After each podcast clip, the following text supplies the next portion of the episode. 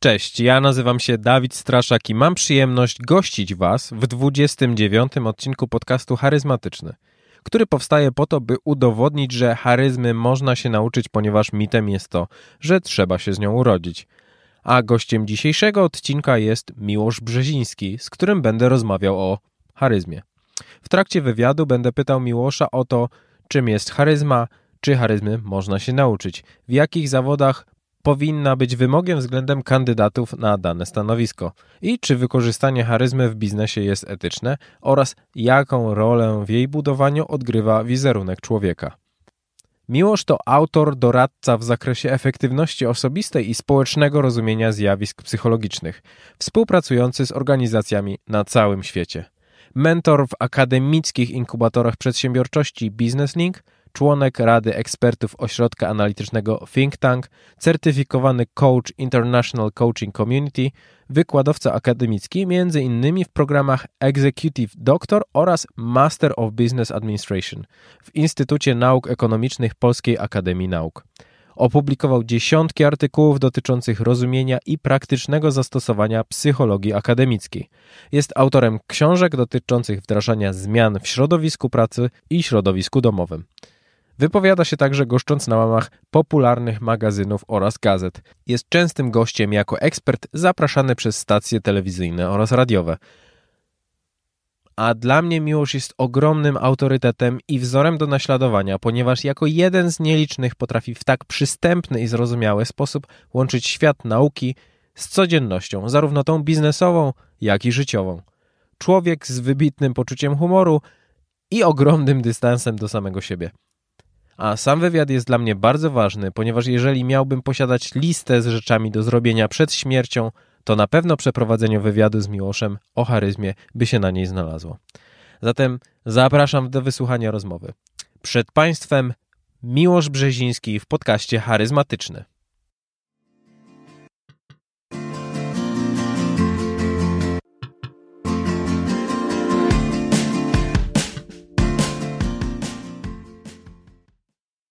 Cześć Miłosz, e, witam serdecznie w podcaście charyzmatycznym. Niezmiernie mi miło, że, że przyjąłeś zaproszenie i tak sobie pomyślałem, że gdyby było mi miło odrobinę bardziej, to już by był grzech.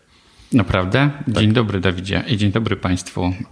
Nie wiem dlaczego tak masz skorelowane przyjemność z grzechem, ale okej. Okay. Nie ma się czego wstydzić. Zaprosiłem Cię tutaj, żebyśmy porozmawiali trochę o charyzmie i Pierwsze pytanie, jakże, in, jakże mogłoby być inaczej w takim przypadku, czym według Ciebie charyzma jest? E, nie wiadomo, w czym według mnie charyzma jest. To jest w ogóle dobry początek. My mamy kłopot z charyzmą między innymi taki, będziemy o paru być może tutaj mówić, ale że ona nie ma jednej stałej definicji. Że my raczej, jak śpiewa Natalia Kukulska, bardziej to czuję niż wiem to jest takie, że jak widzimy kogoś charyzmatycznego, to my raczej wiemy, że on jest charyzmatyczny. I to jest ciekawe, bo nawet jak robi się badania i pyta się ludzi z przeciwnych stron gabinetu politycznego, czy ktoś jest charyzmatyczny, to te osoby potrafią wymienić charyzmatyczne osoby i u siebie, i w tej przeciwnej drużynie, nazwijmy to. Mhm. W tej drużynie obozu z drugiej strony stołu. Więc charyzma musi być czymś, czego my jesteśmy świadomi. Ma pewnie wiele związku z uwodzeniem tłumów, ma pewnie trochę związku z perswazją, ma pewnie trochę związku z wizją świata, którą się hojnie dzielimy i ludzie za tą wizją świata idą, ale e, widziałem już kilka definicji charyzmy, one się wszystkie kręcą wokół tego, niemniej trochę jak myślę jak z grawitacją, że my do końca nie wiemy, nie mamy finalnego wytłumaczenia, czym jest charyzma, ale jak się widzi charyzmatyczną osobę, to, to wiemy, kto to. Jeżeli nie jesteśmy w stanie zdefiniować charyzmy, to czy, ale jesteśmy w stanie wskazać osobę charyzmatyczną, to teraz mhm. pytanie, czy myślisz, że, że jest coś takiego jak charyzma totalna? To znaczy, że ja uważam daną osobę za charyzmatyczną mhm. i ona jest postrzegana jako taka przez wszystkich pozostałych ludzi. Nie, nie ma. To, to my już wiemy, że nie ma. Bo po, po pierwsze zacznijmy od tego, że charyzma zyskała wiele um, takich, jakby powiedzieć, ostatnio wiele dobrych punktów, wiele mhm. plusów. Znaczy uważamy, że jak ktoś jest charyzmatyczny, to w ogóle jest dobrze. To nie jest do końca takie oczywiste, bo my przecież znamy masę osób, które są charyzmatyczne albo były i to nie było za dobrze, że one takie osoby istniały, bo zrobiły wielu osobom krzywdę. W związku z tym charyzma jest zresztą podobnie jak inteligencja jedną z takich cech ludzkich, które wcale nie muszą się wiązać z pozytywnymi rzeczami. Tak? Osoby, które budowały komory gazowe, to były osoby inteligentne. Nie da się ukryć. Józef Stalin też był osobą inteligentną. Nie może, też był osobą charyzmatyczną. Natomiast nie możemy powiedzieć, żeby to jakoś specjalnie pomogło, choć pewnie pojawi się wiele osób, które powiedzą, że jakby go nie było, to by było o wiele gorzej. No ale takie osoby są zawsze. Tak? To jest jakby historia, jakby ciocia miała prędzik, to by z cioci był studencik. Nie? Takie, że jakby, to nie wiadomo, no, ale nie, dojdziemy do tego, bo to też jest element charyzmy. W każdym razie mm, tak rzeczywiście jest.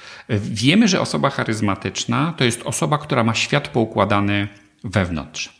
Nie musi to być dobrze świat poukładany, ale ona po prostu nagle doznaje takiej iluminacji, że wie o co w tym wszystkim chodzi.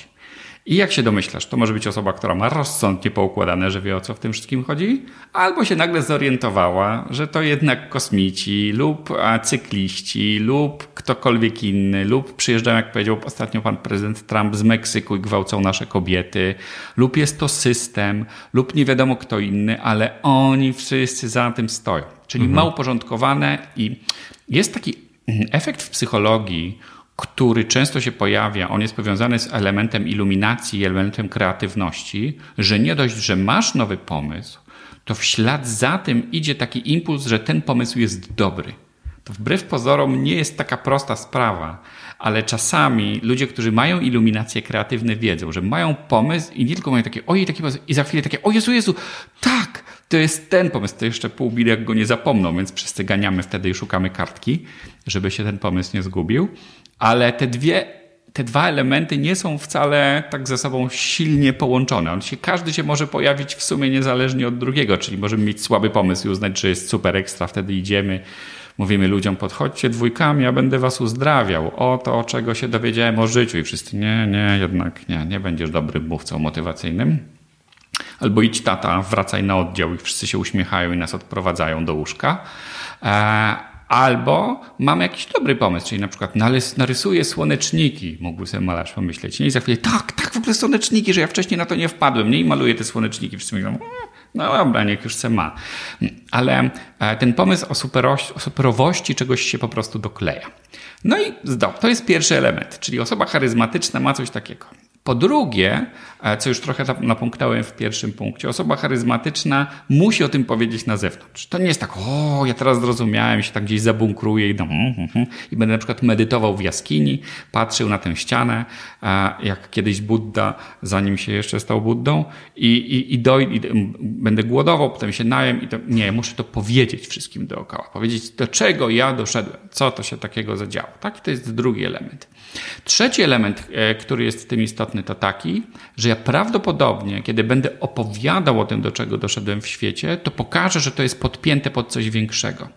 I ten element charyzmy wydaje się najczęściej pojawiać. On jest zresztą trudny do osiągnięcia, bo wymaga pewnej dozy abstrakcyjnego myślenia i emocjonalności, a nie każdy ją ma. Czyli ja stwierdzam, że nie tylko wymyśliłem coś super, ale to się w ogóle wiąże z taką ukrytą symboliką wszechświata. Oto nasz naród jest tonącym. W ogóle jak patrzymy na tych wieszczy narodowych, to Polska w ogóle fabrycznie jest takim statkiem, który tonie. On od niepamiętnych czasów tonie, bo już czasów Piotra Skargi tonie i on to jakoś nie może, możemy po prostu fabrycznie jesteśmy tonącym statkiem, który tonie w nieskończoność, i, i, a jednak płynie jakimś cudem. W każdym razie, że to jest jak płonący statek, albo przychodzi mówi, nasze małżeństwo jest jak wycieczka w góry, albo ktoś wychodzi do firmy i mówi, my jesteśmy plemieniem, które walczy i inni nie będą na coś. Jesteście solą tej ziemi. Tak, to są wszystko takie e, albo my jesteśmy narodem wybranym, albo my jesteśmy firmą, która to wszystko zaczęła, a w związku z tym pionierzy zawsze mają strzały w tyłku i, i, i tak przegrywa ten, kto nigdy nie próbuje. Tak? On pokazuje tą swoją wizję świata i ona jest głęboko nasycona symbolizmem. I jest to pewien niuans, też pewnie będziemy o nim dzisiaj mówić, który jest bardzo z jednej strony chwytliwy, ale jest wielką pułapką dla osób charyzmatycznych. I teraz na Twoje pytanie, czy może się pojawić osoba, która będzie charyzmatykiem totalnym, że ona wyjdzie i wszystkich nawróci? Odpowiedź brzmi nie. Dlatego, że charyzma, żeby zadziałała, potrzebuje czynnika ludzkiego, czyli czynnika odbiorcy bardzo istotnego. Najchętniej, najmniej chętnie chcemy osoby, które są samosterowne i analityczne. Mhm. Osoby, które są samosterowne i analityczne, na tego typu charyzmę są bardzo mało podatne. My ich w ogóle nie lubimy. One się najczęściej zarażą od reszty, dlatego że już reszta pójdzie za tym charyzmatykiem, a one po prostu uznają, że to było zasadne, niż żeby taki charyzmatyk wyszedł ci wszyscy podniosą te swoje okulary grube jak denka od musztardy i powiedzą tak, tak, chcemy, tego chcemy.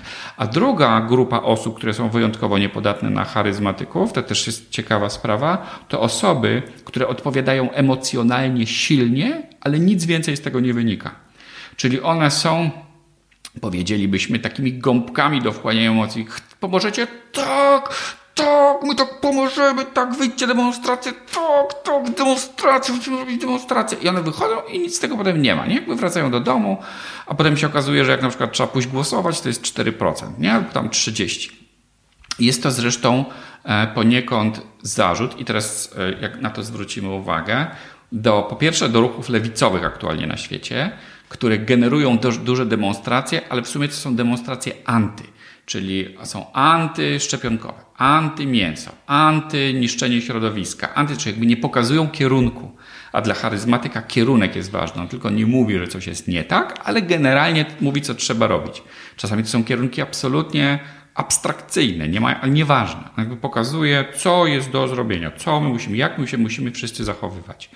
I, e, i, i tym ruchy, nazwijmy je symbolicznie prawicowe, wygrywają, bo one po prostu mówią, co robić. To może nie do końca jest czasami, zwłaszcza w takiej swojej populistycznej wersji zwięzłe, bo czasami pojawia się tam skrajna demagogia, ale jest powiedziane, co nie jesteśmy anty, tylko na przykład pro-life. Tak? Jesteśmy. Czyli my jesteśmy za czymś, my okazujemy jakiś konkretny kierunek.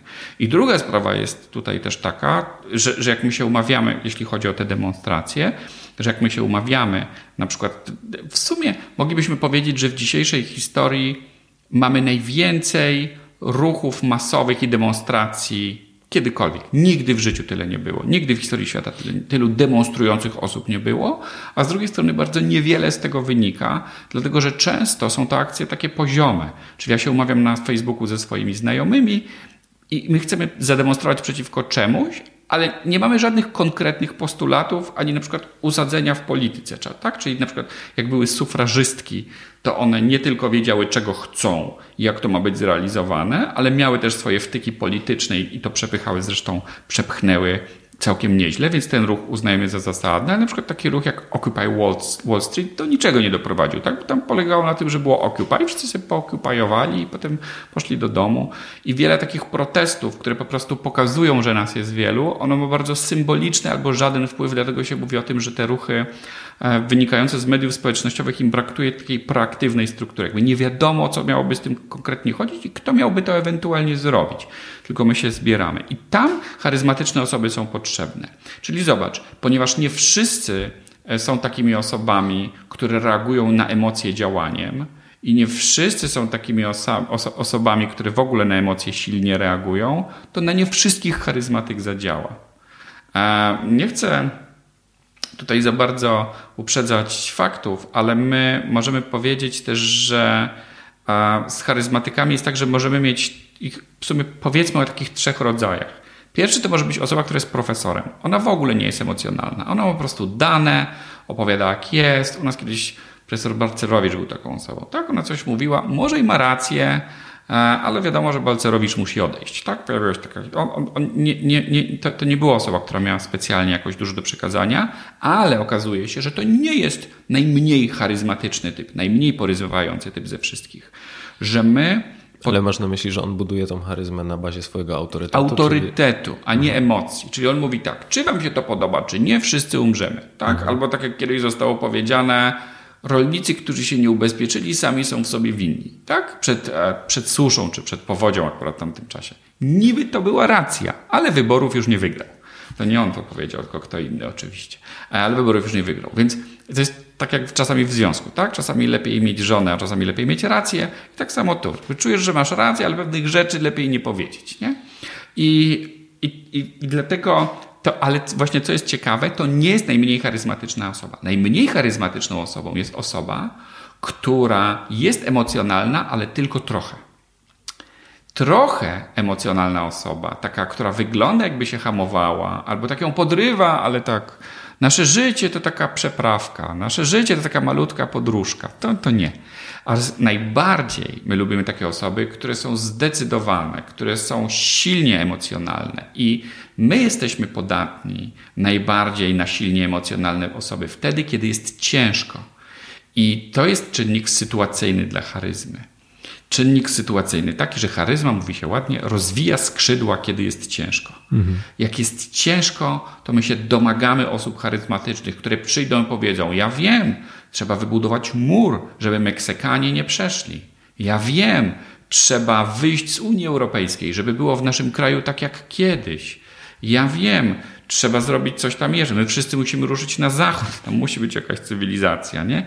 Pojawiają się takie pomysły, które są silnie emocjonalne i my w tym strachu stwierdzamy, że wreszcie oto jest osoba, która przynajmniej wygląda i się, to jest bardzo uwodzące i my się trochę na to nabieramy, w zasadzie nawet nie trochę, tylko bardzo. Więc znowu odpowiedź na twoje pytanie. Czy wszystkich, jeżeli ktoś jest spokojny, to nie. I dlatego też często się mówi, że są takie ruchy na świecie, którym organicznie zależy na tym, żeby mówić, że jest ciężko i źle. najczęściej podaje się prasę prawników i polityków. Prasa, prawnicy i politycy najwięcej zarabiają na tym, że ludzie się czegoś przestraszą. Bo wtedy można im powiedzieć, co trzeba robić, i ludzie z tego strachu myślą: dobra, każdy kajak płynie szybciej, jak wszyscy wiosłują w tę samą stronę, może ten kierunek nie jest zoptymalizowany, jak wszyscy tam pobiegniemy, to nie możemy wyginąć. Jak ja pokazuję przykład lemmingów, nie jest to tak do końca prawda, bo jak się gdzieś biegnie, to, to wiele osób może wyginąć, ale jednak my chcemy wierzyć, że to się tak dzieje. I ta silna emocjonalność, no ona się u nas często pojawia, w organizacjach też. W organizacjach przecież mamy mnóstwo takich typów menedżerskich, które ciągle mówią: No, mamy kryzys, no, będzie ciężko, ledwo się skończy kwartał albo rok. No, no, no, to było, było cię, a teraz to dopiero będzie ciężko. Ponieważ taki rodzaj narracji, mówienia, no teraz, no, te, no teraz, no teraz, po pierwsze odwraca naszą uwagę od tego, że ta osoba jest niekompetentna, a po drugie ona nie musi niczego tłumaczyć bo no, po pierwsze może nie rozumieć, ale nikt tego nie zauważy, że ona tego nie rozumie, bo ona wszystkich cały czas trzyma tą łódź podwodną bez możliwości wynurzania się, nie? Tam, a ci, co umrą z braku tlenu, są wymieniani na nowych w ramach procesu rekrutacji. I ta łódź tam płynie, no, no, teraz to te, a teraz nie, te, nie, nie myśl, nie myśl, zrozumienie przyjdzie z czasem, teraz trzeba napierdzielać, teraz wszyscy wiosłujemy. I na dłuższą metę jest to, to jest wygodny sposób. To oczywiście buduje tyranię, ale na dłuższą metę jest nieefektywne. Dlatego, że my potrzebujemy dla efektywności między innymi w biznesie też, ale myślenia kreatywnego, a myślenie kreatywne pojawia się najczęściej wtedy, kiedy jest spokój, nawet przez chwilę. Czyli my, się, my nie szukamy rozwiązań, żeby nic się nikomu nie stało, takich, które szukamy wtedy, kiedy jest bardzo ciężko, tylko my szukamy takich rozwiązań, żeby było jak najlepiej. Co by tu nowego wymyślić, jakby to inaczej zrobić. I to się pokazuje, to są, są takie 3P, tak? E, pociąg, poduszka i prysznic. E, wtedy nam przychodzą do głowy, bo ogarnia nas jakiś taki spokój, tak? Zakładając, że jeszcze komuś przed snem nie przychodzą najgorsze rzeczy do głowy. Ale to, to są takie, takie modelowe momenty.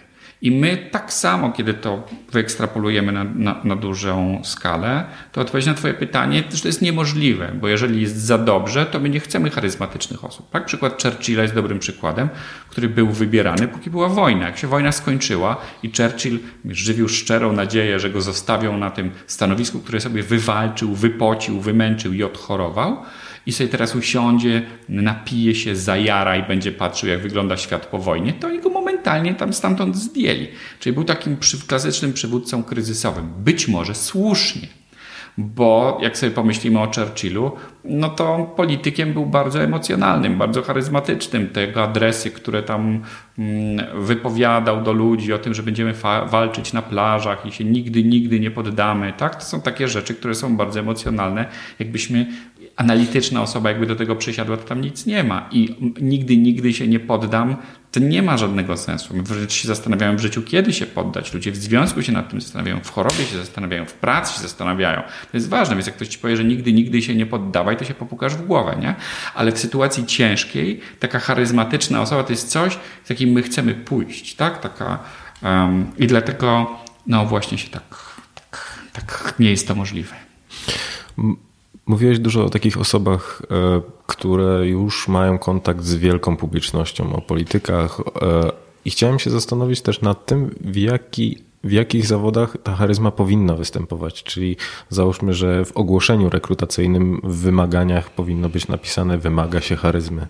No, pytanie jest dobre. Nie, nie wiem, czy to jest w ogóle możliwe, bo, bo elementem charyzmy E, charyzma, my w sumie charyzmę poznajemy w działaniu, a nie w momencie jej ekspresji. E, czasami ktoś, kto może później się okazać charyzmatyczny, wygląda jak narcyz. E, I jest w sumie, może być narcyzem.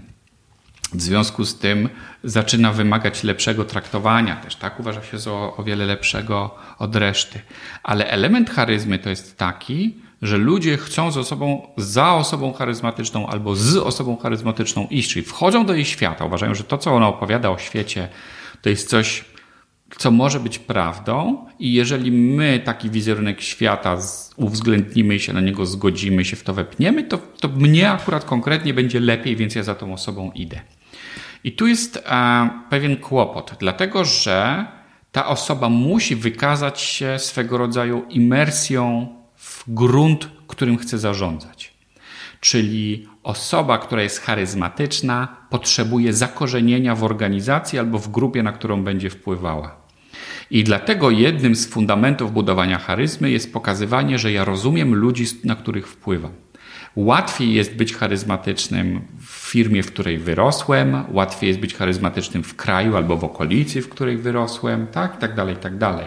Zresztą widać te głody charyzmy i od wielu, w sumie powiem, tysięcy lat dzieje się tak, że niektóre plemiona ludzkie, nazwijmy to, i z grupy ludzkie rosną, rozpompowują się w nieskończoność i upadają. Moglibyśmy powiedzieć tak, że w Europie wszyscy żyjemy na ruinach jakiegoś imperium że to, co my uważamy za polskie dania narodowe czy polskie stroje, w sumie 200 lat temu jeszcze żadne danie narodowe w tym kraju nie istniało, w którym teraz funkcjonuje. Tak? Nawet Włosi pizzy nie znali za specjalnie. Więc to są, to są rzeczy takie, że one cały czas płyną, ale to jest coś dużego i upada. Nawet aktualnie się twierdzi, że idea państwa upadnie. Już nie tylko Unii Europejskiej, ale że to miasto znowu przejmie taką funkcję, że miasto będzie centrum ekonomicznym, opiniotwórczym mody, a reszta to będzie taki ekonomiczny śmietnik, takie przedmieście wielkie do tego urbanarium, które powstanie. To widać też e, w Wielkiej Brytanii, to już widać, tak w Niemczech to widać. W Wielkiej Brytanii tam jest Glasgow, Londyn, Manchester trochę, reszta w sumie tam się nic nie dzieje. W w Niemczech, gdzie Berlin jest w sumie jednym z biedniejszych miast, tam, tak? E, Frankfurt jest, jest takim dużym lokalnym ośrodkiem działania, tak? W Polsce być może też. Więc jakby państwo samo w sobie przestanie być tak istotne i znowu się skurczymy do czegoś takiego małego. I ta koherencja, ta, to, to porozumienie ludzi i osoby, która jest jak wisienka na torcie w tym wszystkim, ale to jest wisienka, która ma głęboko wpuszczony korzeń w te wszystkie osoby, które tam są, to o wiele ułatwia. Więc w procesie rekrutacji znaleźć taką osobę, chyba że robisz rekrutację wewnętrzną, nie jesteś w stanie tego ocenić. Jeżeli chcesz spowodować, żeby charyzma, mm, żeby zwiększyć prawdopodobieństwo na to, że charyzma zaistnieje, to my potrzebujemy raczej osoby, która z jednej strony będzie bardzo skromna, czyli będzie widziała potrzeby grupy dookoła i ją i tak pokręci, jak zostanie wypiętrzona społecznie, bo wszystkich nas pokręci, jak jesteśmy wypiętrzeni społecznie, ale być może w mniejszym stopniu. To jest osoba, która powinna mieć bardzo dużą moc perswazyjną, czyli umieć opowiadać ideami, umieć opowiadać um, jakimiś wizjami, symbolem, czyli Powiedzielibyśmy, że taka trochę poziom inteligencji wyższy od przeciętnego, bo jeszcze tych mocy przerobowych w mózgu musi starczać na to, żeby myśleć abstrakcyjnie. Zresztą nie jest to nic złego, bo my w procesach motywacyjnych nie lubimy, jak nasz e, CEO, czy prezes, czy ktoś tam opowiada, co, co robić konkretnie. My lubimy, jak nasz bezpośredni przełożony nam tłumaczy, co robić konkretnie. A taka osoba, która jest na samej górze charyzmatyczna, to ona powinna raczej podawać wizję, a my się powinniśmy zastanawiać, jak ją zrealizować, więc każdy swoją kulkę kula, jak to się ładnie mówi. To musi być też osoba, która potrafi manipulować emocjami, i tego nie poznamy na takim spotkaniu, no bo taka osoba najczęściej się boi. Ale się swoimi nie boi. czy czyimiś? Swoimi i cudzymi, mhm. rzecz jasna. I to musi być też e, taka osoba, która rozumie zasady niepisane w tej grupie, do której trafia. Czyli jak się do niej trafia, to na przykład na początku próbuje się ustalić, komu przerywać, komu nie, z kim wchodzić w bezpośredni konflikt, kogo trzeba przekonać, porozmawiać na korytarzu itd. Tak itd. Tak Zwłaszcza się to radzi kobietom, bo, bo, bo, bo, bo rynek, w cudzysłowie nasz społeczny, ciągle jeszcze uważa, że kobiety powinny przede wszystkim rozumieć, co się dzieje dookoła, a nie mogą od razu z twarzą, że wszystko zostanie zbombardowane i wyrzucone. Dlatego one mają często taki jakby kłopot w tłumaczeniu i, i ciągle powtarza, jak mówi profesor Zimbardo, to, że się uśmiecham nie znaczy, że jestem głupia, tak? I ona ciągle to, że się uśmiecham nie znaczy, że jestem głupia, bo, bo najczęściej są dwie wartości, które ciężko pogodzić. Czyli kobieta jak zaczyna być zbyt charyzmatyczna, to się przestaje robić miła, a to podobno jest jakoś wartość, że ona jest miła. Nie jest. E, znaczy trochę jest, wiadomo, bo to fajnie jest, jak ludzie są życzliwi, ale jak pokazują analizy, w sumie metaanalizy e, w biznesie, my bardziej szukamy osób, które są skuteczne, chyba że jest niż miłe, ale one oczywiście mogą być surowe, nieopresyjne, ale jeżeli pracujemy w budżetówce albo w organizacji biurokratycznej, to jednak wolimy osoby, które są miłe. Czyli e, dzieje się tak dlatego, że my tam nie uważamy, żeby to, że ta osoba będzie skuteczna, jak w jakiś istotny sposób zmieniło naszą pozycję. Więc niech przynajmniej będzie miła, uczciwa, i sobie tam jest. Tak? To, że ona będzie skuteczna, nic nie zmieni, bo no, w organizacji biurokratycznej organicznie nawet nie można nakrodzić lepszego pracownika. Tam nie ma takiej szansy, albo być powiedzą, dlaczego on dostaje więcej, albo związki zawodowe zaprotestują i tak dalej. Więc, więc my w biznesie wolimy osoby skuteczne. I, um, i na, na, poziomie procesu rekrutacji nie jesteśmy w stanie tego stwierdzić. Nie jesteśmy w stanie stwierdzić, jak ta osoba się wgryzie, jak szybko to zrobi i jak pokaże, że ja jestem jednym z Was, rozumiem to, My jesteśmy do, jednak w grupie takich bardziej hermetycznych krajów. Zauważ na przykład Stany Zjednoczone. Stany Zjednoczone to jest taki w ogóle kraj, gdzie tam każdy skądś przyjechał, bo ci, co znikąd nie przyjechali, to ich jest bardzo mało i w rezerwatach, ale każdy tam skądś przyjechał i szansa na to, żeby guber, że gubernatorem Kalifornii został tam aktor z Austrii, który w ogóle jest kulturystą, był byłym kulturystą i on jest, był, był doradcą prezydenta do, do, do spraw kultury fizycznej, zresztą wprowadzając kilka bardzo interesujących programów, to to jest w ogóle u nas niemożliwe żeby ktoś tak w ogóle wojewodą został, czy, czy burmistrzem, czy w ogóle by się wszyscy popukali w głowę. Dlatego charyzmatyczne osoby najczęściej, zdecydowanie częściej, wyrastają z tego środowiska, które, którym są, aczkolwiek, jeżeli ktoś jest bardzo silnie emocjonalny, a w organizacji dzieje się bardzo ciężko, to organizacje chętnie szukają charyzmatycznych osób, bo wiedzą, że wtedy to osoba, która ociera się o skraj demagogii albo jest demagogiem, to ona da radę. E, I to jest bardzo problematyczna sprawa dla, e, dla charyzmy, a mianowicie ta, że my możemy się orientować w systemie i być osobą emocjonalną, czyli opowiadać o I najczęściej tak zaczynamy jako osoba charyzmatyczna.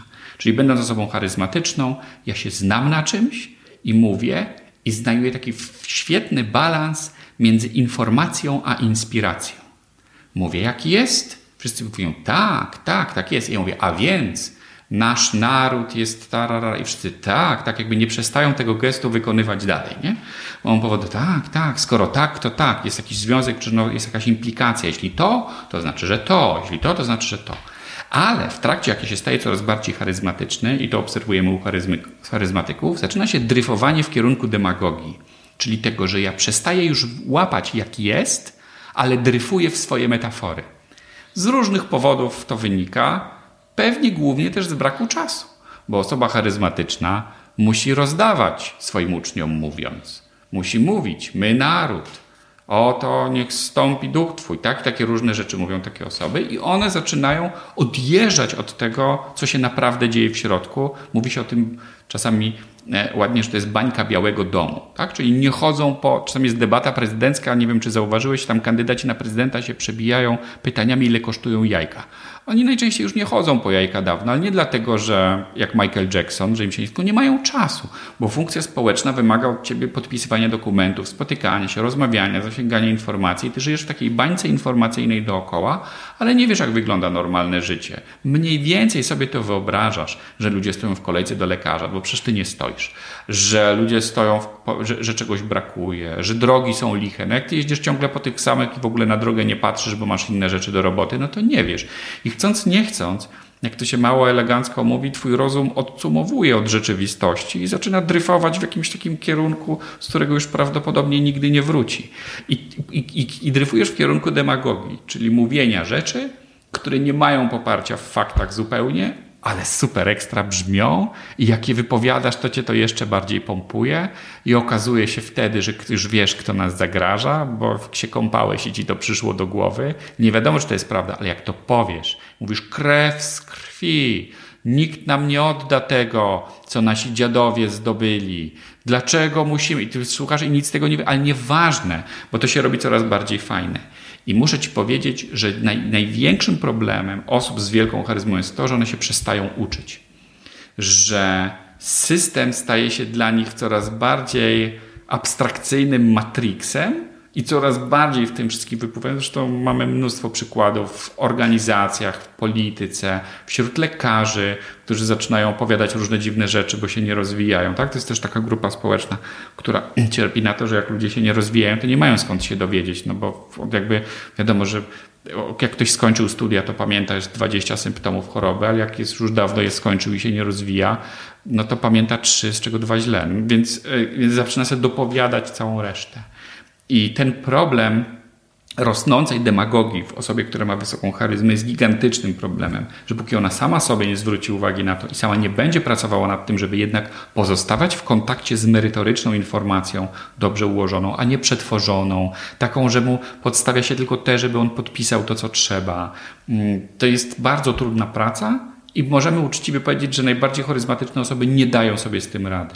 I powstaje wtedy taki, taki rodzaj tyranii, moglibyśmy powiedzieć, które najpierw widzi wrogów na zewnątrz, którzy są pokonywani, a potem zaczyna widzieć też wrogów w środku, aż do abstrakcyjnej sytuacji, jak to mówią badacze tyranii, w której jej własne ciało zaczyna być wrogiem. Tak? Zaczynają uważać, że to, że to ona, że gdyby mogły finalnie, to by sobie własną rękę odcięły, bo uważają, że ta ręka ich zdradziła, bo podpisała coś i tak dalej, i tak dalej. Tak? Czyli na początku krąg podejrzanych jest gdzieś daleko, a potem on się... I my to też widzimy. Że na początku się mówi, że tam za granicą są nasi wrogowie, daleka, potem w naszym kraju są nasi wrogowie, w naszej firmie są nasi wrogowie, potem w zarządzie są nasi wrogowie, potem w ogóle to ja mam takie gorsze momenty. Wy nie musicie mnie słuchać, tak? I tak dalej, i tak dalej. No, więc e, to jest takie, taka ciemna strona charyzmy. I dlatego my, żeby nie, nie, nie dopuścić do rozwoju takiej sytuacji, bo my wszyscy byśmy temu prawdopodobnie ulegli w mniejszym lub większym stopniu, bo to jest strasznie chwytliwie. Ty mówisz, ludzie spijają mądrość z ust twoich pąkowia, więc ty lejesz ją dalej, a, a, a tłum w ciebie wpatrzony to cię pompuje. Jest ci łatwiej, dostajesz dużo dobrych rzeczy, samochody, pieniądze i tak dalej, więc myślisz, hmm, pewnie nie robię niczego złego. Jakbym robił coś złego, to by mi Bozia powiedziała i bym tam został bezrobotny, a tymczasem ludzie za mną idą, a to przestaje być etyczne. I dlatego my w wielu branżach i sytuacjach domagamy się tego czasu, w którym będzie spokój, żeby wtedy charyzmatyczne osoby mogły spaść z tej swojej demagogii i normalnie, żebyśmy mogli się zastanowić, gdzie my jesteśmy w ogóle, co to się dzieje, jak uporządkować to w środku. Czy władza bez kontroli już zdegenerowała, bo każda władza bez kontroli zdegeneruje. Czy jak w organizacji wszystko zostało podporządkowane jednemu kierunkowi tak, i jednej rzeszy, bo pan dyrektor wie, jak coś robić, to my powinniśmy teraz odsapnąć i się zastanowić, co my w ogóle robimy. Tak? Kiedyś był taki mem, e, jak dwóch SS-manów rozmawia. Jeden mówi do drugiego, ej, widziałeś nasze czapki? A drugi mówi, no i co? No tam jest czaszka. No tak, no to co? Wiesz co, to może my jesteśmy ci źli. Nie? I to jest taka, tak, taka refleksja, która przychodzi od czasu do czasu, jak już, żeby zobaczyć, gdzie ja się zapędziłem w tym wszystkim, co my w tym wszystkim robimy. I dlatego my potrzebujemy w biznesie też tego czasu, kiedy jest presja i mówimy, że jest ciężko, wszyscy umrzemy, trzeba zasuwać. I tego momentu, kiedy charyzmatycznej osoby nie ma. Ona się wycofuje i najłatwiej jest zrobić to, co z Churchillem, czyli po prostu ją zwolnić i zatrudnić kogoś, kto być może nie jest charyzmatyczny, ale dopuszcza innych do głosu zastanawia się, nie ma już pożaru. Tak? Bo jakby tu by wybuchł pożar, gdzie nagrywamy ten podcast, podcast i ja bym zaczął ustalać demokratyczną decyzję, to byśmy pomarli. Powiedział, dobrze, jakie znamy e, najlepsze metody ewakuacji z pożaru. Tak jak jest pożar ciężko, to po prostu spierdzieramy i, i koniec. Nie ma dwóch zdań. Wtedy potrzebna jest jedna osoba, która powie, co zrobić. To jest domena kryzysu i my ją bardzo hołbimy. Ale to nie jest obiektywnie liberalne, kreatywne, najlepsze. Nie ma miejsca na kreatywność. A ponieważ biznes jest rywalizacyjny, to my potrzebujemy nie tylko, żeby nic się nikomu nie stało, bo to jest raczej budżetówka, tylko potrzebujemy, żeby być jak najlepsi. I wtedy potrzebujemy takiej dozy czasu, kiedy jest nic się nie dzieje. I możemy pomyśleć, super, uciekaliśmy przez drzwi, ale pomyślmy, czy jest jakiś lepszy sposób na uciekanie. Tak? I to jest taki system, o którym Nassim Taleb by powiedział, że jest systemem antykruchym. On tu się nie chce powtarzać, czyli trochę jak, jak, jak branża samolotowa, że my nie chcemy, żeby samoloty spadały, one spadają, ale każdy, który spada, jest tak analizowany, że te, które nie spadły, są bezpieczniejsze. Tak i ta branża z takiej najniebezpieczniejszej zrobiła się bezpieczną. I tu charyzmatyk licho się sprawdza, bo wracamy do punktu wyjścia. Charyzma rozwija skrzydła, jak jest ciężko. Mhm. Czyli w takim razie jeżeli ona rozwija się w tych momentach, kiedy jest kryzys, to czy w ogóle można się jej nauczyć? Albo czy można się jej nauczyć w spokoju, czy właśnie trzeba się jej uczyć w kryzysie? No, nie wiadomo tego, ponieważ musimy uczciwie wrócić do definicji, którą mamy, że, że my nie do końca wiemy, co to jest. Mhm. Jest jakiś taki zestaw cech, który balansuje na granicy narcyzmu, a być może nawet go przekracza. Jest silnie symboliczny, więc musiałbyś mniej więcej wiedzieć, co się dzieje. Do jakiegoś stopnia możesz to zrobić. Myślę, że teraz rzeźbię i to nie ma, ja po prostu nie znam badań, czy tego się da nauczyć, czy nie, ale myślę, że do pewnego stopnia E, jest to funkcja relacji z otoczeniem. Czyli możemy doprowadzić do takiego dyzmizmu, czyli ta osoba nie wie zupełnie co robi, ale jest po prostu w danym momencie potrzebna. Tak, ona jest, ona mówi, dobra, dosyć tego trzeba się wziąć do roboty i coś zrobić. My w biznesie, w ogóle w życiu bardzo cenimy działanie. E, mamy mnóstwo na to takich powiedzonek wioskowych, że zrobione lepsze od perfekcyjnego że czas zmarnowany na podejmowanie decyzji jest nie do nadrobienia, a decyzja podjęta, e, decyzję podjętą zawsze można zmienić.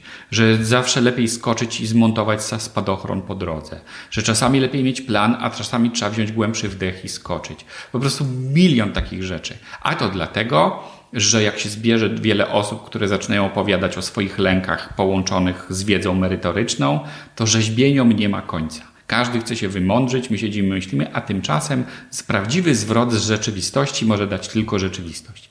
My możemy zacząć nie tylko, czy pomysł jest dobry, ale czy mamy warunki, czy mamy do tego zasoby, czy ktoś umie to zrobić, czy my się dogadamy w zespole. Tego wszystkiego nie wymyślisz, żebyś nie wymile kminił.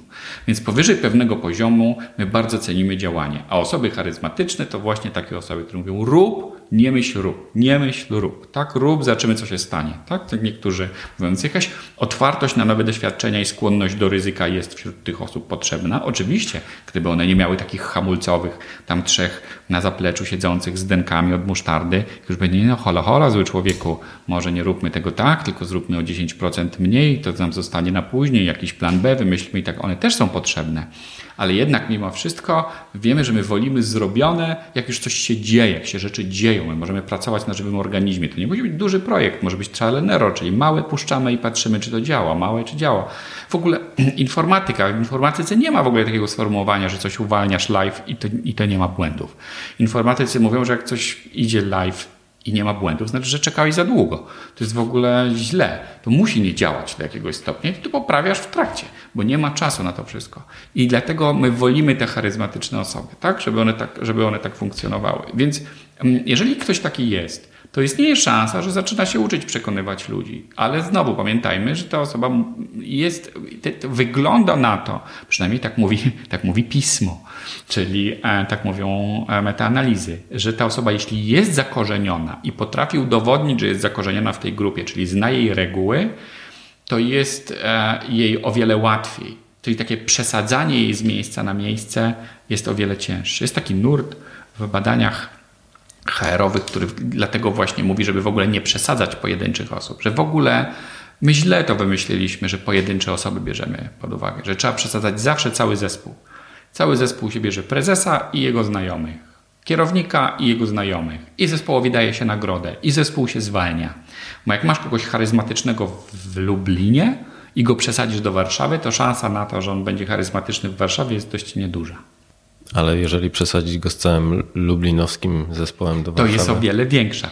Oczywiście e, pytanie jest takie, czy jest większa szansa, jak przesadzisz charyzmatyczną osobę z Lublina, czy awansujesz niecharyzmatyczną w Warszawie.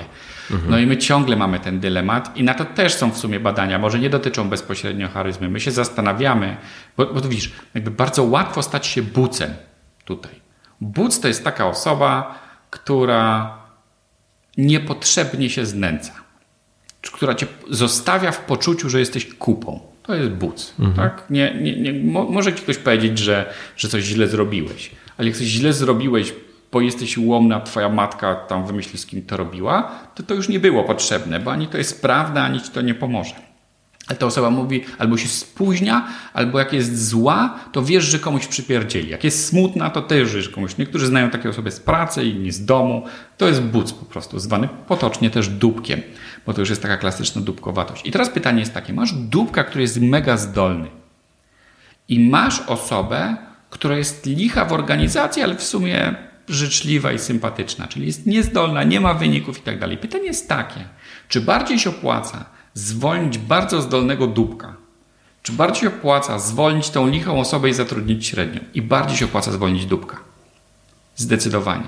Dupkowatość obciąża wszystkich dookoła, nie tylko tych, którzy z nim bezpośrednio pracują, ale tych obok też. I my to wiemy. I to jest masa hajsu. W Polsce pokutuje taka narracja. Znaleźliśmy ci bardzo zdolną osobę. I wiele osób tak mówi. Znalazłem ci taką zdolną osobę, jest taki super, w ogóle sam sprzedaje, w ogóle wszystko załatwia i tak dalej, i tak dalej. Tak? Ale jak wiemy, że jest złamasem, to nie wiem, czy ktoś będzie chciał go zatrudnić. A tymczasem my wiemy, i jest na to papier, to już my teraz nie rzeźbimy jakichś rzeczy abstrakcyjnych, znowu e, takich z głębi serca, tylko normalnie, że to jest bardzo obciążające dla całej drużyny kiedyś. Mm, e, zresztą w sporcie podobnie. Tak? My wiemy, że jeżeli jakaś osoba próbuje ciągle grać na siebie, to cała reszta strasznie się umęczy, żeby naprawiać jej błędy i wypada jeszcze gorzej niż by normalnie wypadła, przez to tamta osoba wypada lepiej i wszyscy patrząc na statystyki nie wiedzą, co się dzieje. Tak? Dlaczego tylko ten jeden biega, a reszta nie ma siły. No bo reszta załatwia po nim. I to samo trochę mm, dzieje się w biznesie, przynajmniej to widzimy. W związku z tym istnieje taki mit i on się regularnie powtarza. Jest to zresztą też e, przez, no, przez branżę konsultingową, przez headhunterów powielamy, że wyjątkowo zdolna osoba jest super, menedżerowie się boją zwalniać, bo on robi... Nie. Po prostu jeżeli ktoś nie jest graczem zespołowym i źle funkcjonuje, czy nie powoduje, że zespół jest taki spójny, bo spójny zespół ma gigantyczną siłę przebicia. W spójnym zespole, jeżeli wszyscy dobrze pracują, to temu najgorszemu jest wstyd, że on zostaje, odstaje.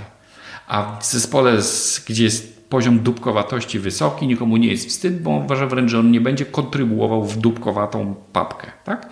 Więc e, pomimo tego, że nam się wydaje, że go zwolnimy, to wszystko coś, to najczęściej tak nie jest. Więc ta idea gwiazdorstwa, mm, tak jak idea charyzmy, ona jest u nas trochę przereklamowana, i jest na nią miejsce w odpowiednich momentach. U, jak się ludzi uczy charyzmy, to najczęściej się uczy tych wszystkich momentów, jak rozumienie i zarządzanie emocjami, e, jak e, na przykład mm, e, rozpoznawanie reguł społecznych, to też jest ważne, jak metody perswazji, jak prowadzenie prezentacji. Tak, to są takie kawałki, z których to jest poskładane. Ale na przykład z wiarygodnością albo z etosem. Jeżeli ktoś uważa, My twierdzimy, że tego się w sumie nie da nauczyć, że to jest wewnętrzna praca danej osoby i szkolenie mhm. tego nie zmieni. Jeżeli ktoś jest oszustem i uważa, że wszyscy powinni na niego zagrywać, a jeżeli nie, zagry, nie zagrywają, to jest źle, bo, bo on wie lepiej po prostu i oni się nie ogarniają, tego szkolenie nie załatwi. Tak? To nawet nie, nie, do końca my wiemy, co z tym zrobić, bo to jest taka silnie wewnętrzne, głębokie przekonanie, no my je kleimy z narcyzmem. Każdy, narcyzmem nie jest myślenie, że jestem lepszy od reszty, bo każdy z nas myśli, że jest lepszy od reszty. Musimy sobie aktywnie przypominać, że nie do końca. E, I że jak jesteśmy zespołowi, to sobie musimy przypominać, że nie jestem lepszy od całego zespołu, tylko jestem tak dobry jak cały zespół. Tak, to jest myślenie zespołowe. Ale charyzmatyczna osoba, przepraszam, narcystyczna osoba jest przekonana, że ona nie tylko jest lepsza, ale trzeba ją inaczej traktować. Że jej, ona się może spóźnić, może nie oddać pieniędzy i tak dalej, i tak. I my często pokazujemy taki przykład klasycznej dupkowatości połączonej z charyzmą, jaką jest Steve Jobs. I pytanie, czy on musiał być takim dupkiem, żeby to i nie musiał. Naprawdę nie musiał w trakcie rozmów selekcyjnych pytać współpracowników, z kim sypiają i co robią w łóżku. Nie musiał zabierać premii do własnej kieszeni pracownikom im kraść, mówiąc bez ogródek. Nie musiał tego wszystkiego robić. Mógł robić całą resztę rzeczy. E, a dlatego jest on takim przykładem, który jest bardzo złożonym przykładem. Tak jak zresztą każdy człowiek jest bardzo złożony. Ale w tym kontekście nie. I to jest niestety wada dużej charyzmy, że od pewnego momentu już nas nikt nie chce skrytykować, bo w przypadku takiej charyzmy połączonej z dyzmizmem, ludzi, którzy są dookoła nas, żywotnie czerpią korzyść z tego, że my tam jesteśmy. Bo są na przykład z nami w zarządzie, albo są wicedyrektorami. Jak jest ktoś wicedyrektorem osoby, która jest taką e, skrajnie demagogiczno-charyzmatyczna, to oprócz tego, że może umrzeć w każdej chwili, zwłaszcza jak jest w Korei, bo, bo nigdy nie wiadomo, czy tam się coś nie zepnie, to jest jej bardzo łatwo, bo ty nic nie musisz myśleć, tylko chodzisz, stoisz i kiwasz głową, to teraz powiesz takiej osobie, że coś jest nie tak, pierwsze się boisz, bo nie wiadomo, czy nie umrzesz, nie wiadomo, więc już jesteś na takiej ścieżce, z której w sumie nie ma powrotu, a, a, a dużo na ciebie kapie, jeździsz dobrymi samochodami, wszyscy ci się kłaniają, pytają, czy mógłbyś dobre słowo szepnąć i tak dalej, i tak. Więc ten system się dookoła buduje. I, a, I znowu możemy sobie zadać pytanie, no tak, no tak, to są nieuczciwe osoby. No prawda jest taka, że my wszyscy byśmy w niego weszli. Mało kto naprawdę nie. Bo zobaczcie Państwo, pomyślmy, pomyślmy o sobie, ktoś nam mówi, hmm, nie wiem ile, ile zarabiasz dzisiaj, ale załóżmy, że widzę, że zarabiasz tam, nie wiem, 10 tysięcy miesięcznie. Ktoś przychodzi, słuchaj Dawid, mam takie stanowisko wicedyrektora, będę dyrektorem, 50 tysięcy miesięcznie. I ty powiesz wtedy tak, nie, nie, bo dzieci w Afryce i biedne boberki w rezerwatach, nie, to jest za dużo no za dużo, kto z nas powiesz za dużo? I, I tak właśnie się w to wpada, tak? Pieniądze nie mają normy, więc my jesteśmy bardzo na to podatni. Dlatego, dlatego charyzma ma swoje, wiele swoich wad i, i my często próbujemy organicznie pilnować, żeby takie osoby nie stawały się tyranami, najczęściej przez systemy kontroli które to blokują, albo przez system zmieniania władzy które to powoduje, co też oczywiście też daje, niesie ze sobą jakieś problemy, ale najczęściej to się dzieje tak, że po prostu mm, pomimo tego, że konserwatyści chcą, żeby jeden system dało się ulepszać, to my od początku świata widzimy, to jest tak, że system rośnie, rozpompowuje się, następuje rewolucja, są zgliszcza i coś jest budowane jeszcze raz. Tak? I my to widzimy w sumie ze wszystkim. Aktualnie chyba się to też dzieje właśnie z systemem demokratycznym, z systemem narodowym, tak? z takim systemem, który miał taki swój moment, po monarchii bardzo silnej i, i, on już się załamuje. Także jak pytamy ludzi w wyborach demokratycznych, to wychodzą nam dziwne rzeczy z tych naszych głosowań, na które wszyscy chodzimy, w sumie w połowie nie chodzimy, a, a, a z kolei e, też wiemy, że państwo za bardzo nie chce pomagać, tak, i tak dalej, i tak dalej. Więc takie rosną luchy lokalne, ludzie na osiedlach coś robią, co w sumie jest bardzo zasadne i rozsądne, bo nigdzie tak człowiek wiele nie może zmienić jak dookoła siebie. Tak więc możemy takie, takie działanie prospołeczne, ale bardzo lokalne jest najbardziej efektywnym działaniem ze wszystkiego, jakie można robić. I widać efekty, one są takie motywujące wewnętrznie.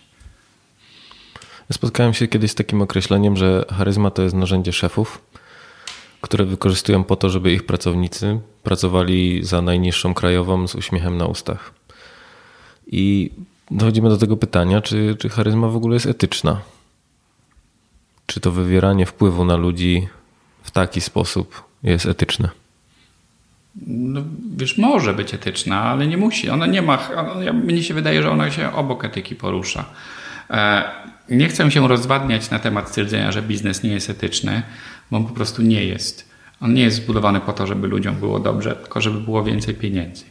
A e, więc jeżeli ludziom jest, jak jest troszkę nam dobrze, to jest, to my więcej pracujemy, to to jest nam trochę dobrze, bo jakby się okazało, że jak nas się kopie prądem, to my lepiej pracujemy, to by się nas kopało prądem.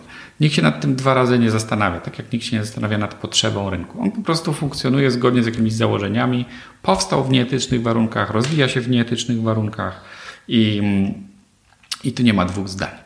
Natomiast, e, więc jakby ludzie mogli pracować za, za najniższą średnią krajową bez pieniędzy, wiedzielibyśmy jak to zrobić, to nikt by się nie zastanawiał i, i każdy by to zrobił i wiele osób to robi. Może nie w jakichś dużych organizacjach, o których myślimy, ale w bardzo malutkich, lokalnych przedsiębiorstwach, firmach, sklepikach, gdzieś na końcu świata, jeżeli można ludziom nie zapłacić więcej, to najczęściej na początku, nawet jak się zakładają biznesy, też czasami obserwuję takie startupy, one się zakładają, my to się równo będziemy dzielić z pracownikami. Niestety jesteśmy gatunkiem, który organicznie zyskuje na hierarchii. Nie można z nas tego wyplenić. Pomimo naszej usilnej próby, żeby wszyscy mieli równo, żebyśmy się dzielili, żeby wszyscy byli równi wobec prawa, nie potrafimy tego zorganizować. Jak tylko się coś zacznie, sport, biznes, pieniądze, prace społeczne, zaraz się okazuje, że są osoby, które są lepsze od reszty, albo lepiej grają w tę grę i zaczynają zagarniać pod siebie. Zaraz też się pojawiają osoby, które są trochę lepsze i żywotnie korzystają z tego, że są blisko tamtych i nie chcą tego oddać, i już się tworzy jakaś piramidka. W związku z tym charyzma też do tego najczęściej doprowadza. Osobom, które są wypiętrzone społecznie jest po prostu łatwiej i nikt nie chce tego oddać. Łatwiej jest, mm, może nie w tym sensie, że mają mniej pracy, ale w takim codziennym życiu mają zajęcia, mają pozałatwiane, nie, nie, nie brakuje im pieniędzy. No wiem, że pieniądze szczęścia nie dają, ale ktoś się spróbował mówić do lekarza, to już wie, że dają.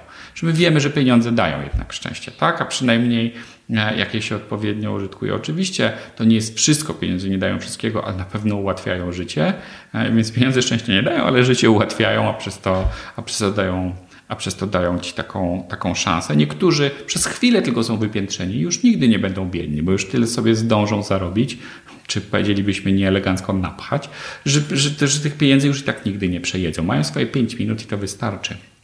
W związku z tym, e, czy, czy, czy charyzma sama w sobie jest etyczna? No ona, w zasadzie etyka zakłada, że my coś robimy dla innych ludzi, żeby im było lepiej. I ja jestem głęboko przekonany, że wiele z tych osób tak robi, bo my znowu fabrycznie jesteśmy zbudowani w taki sposób, żeby nie oszukiwać na maksa.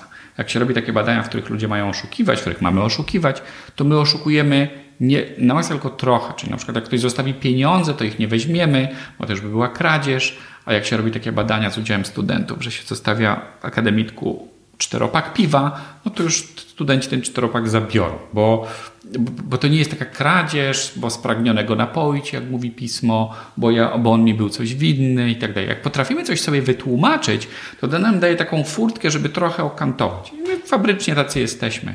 Problem polega na tym, że nam się ta poprzeczka okantowania przesuwa i że jak ktoś siedzi w więzieniu za duży przekręt, to najczęściej od niego nie zaczynał, tylko zaczynał od małego i przesuwał poprzeczkę, rzadko kiedy. Więc my próbujemy pilnować tych małych przekrętów, ale kto pilnuje kogoś, kto jest na samej górze i kto pilnuje kogoś, kto jest beneficjentem takiej osoby, która jest na samej górze. I to nawet nie, ja wiem, że Państwo wszyscy e, być może albo w większości myślą o takich osobach, które są bardzo na świeczniku, myśląc o polityce światowej, o biznesmenach i tak dalej.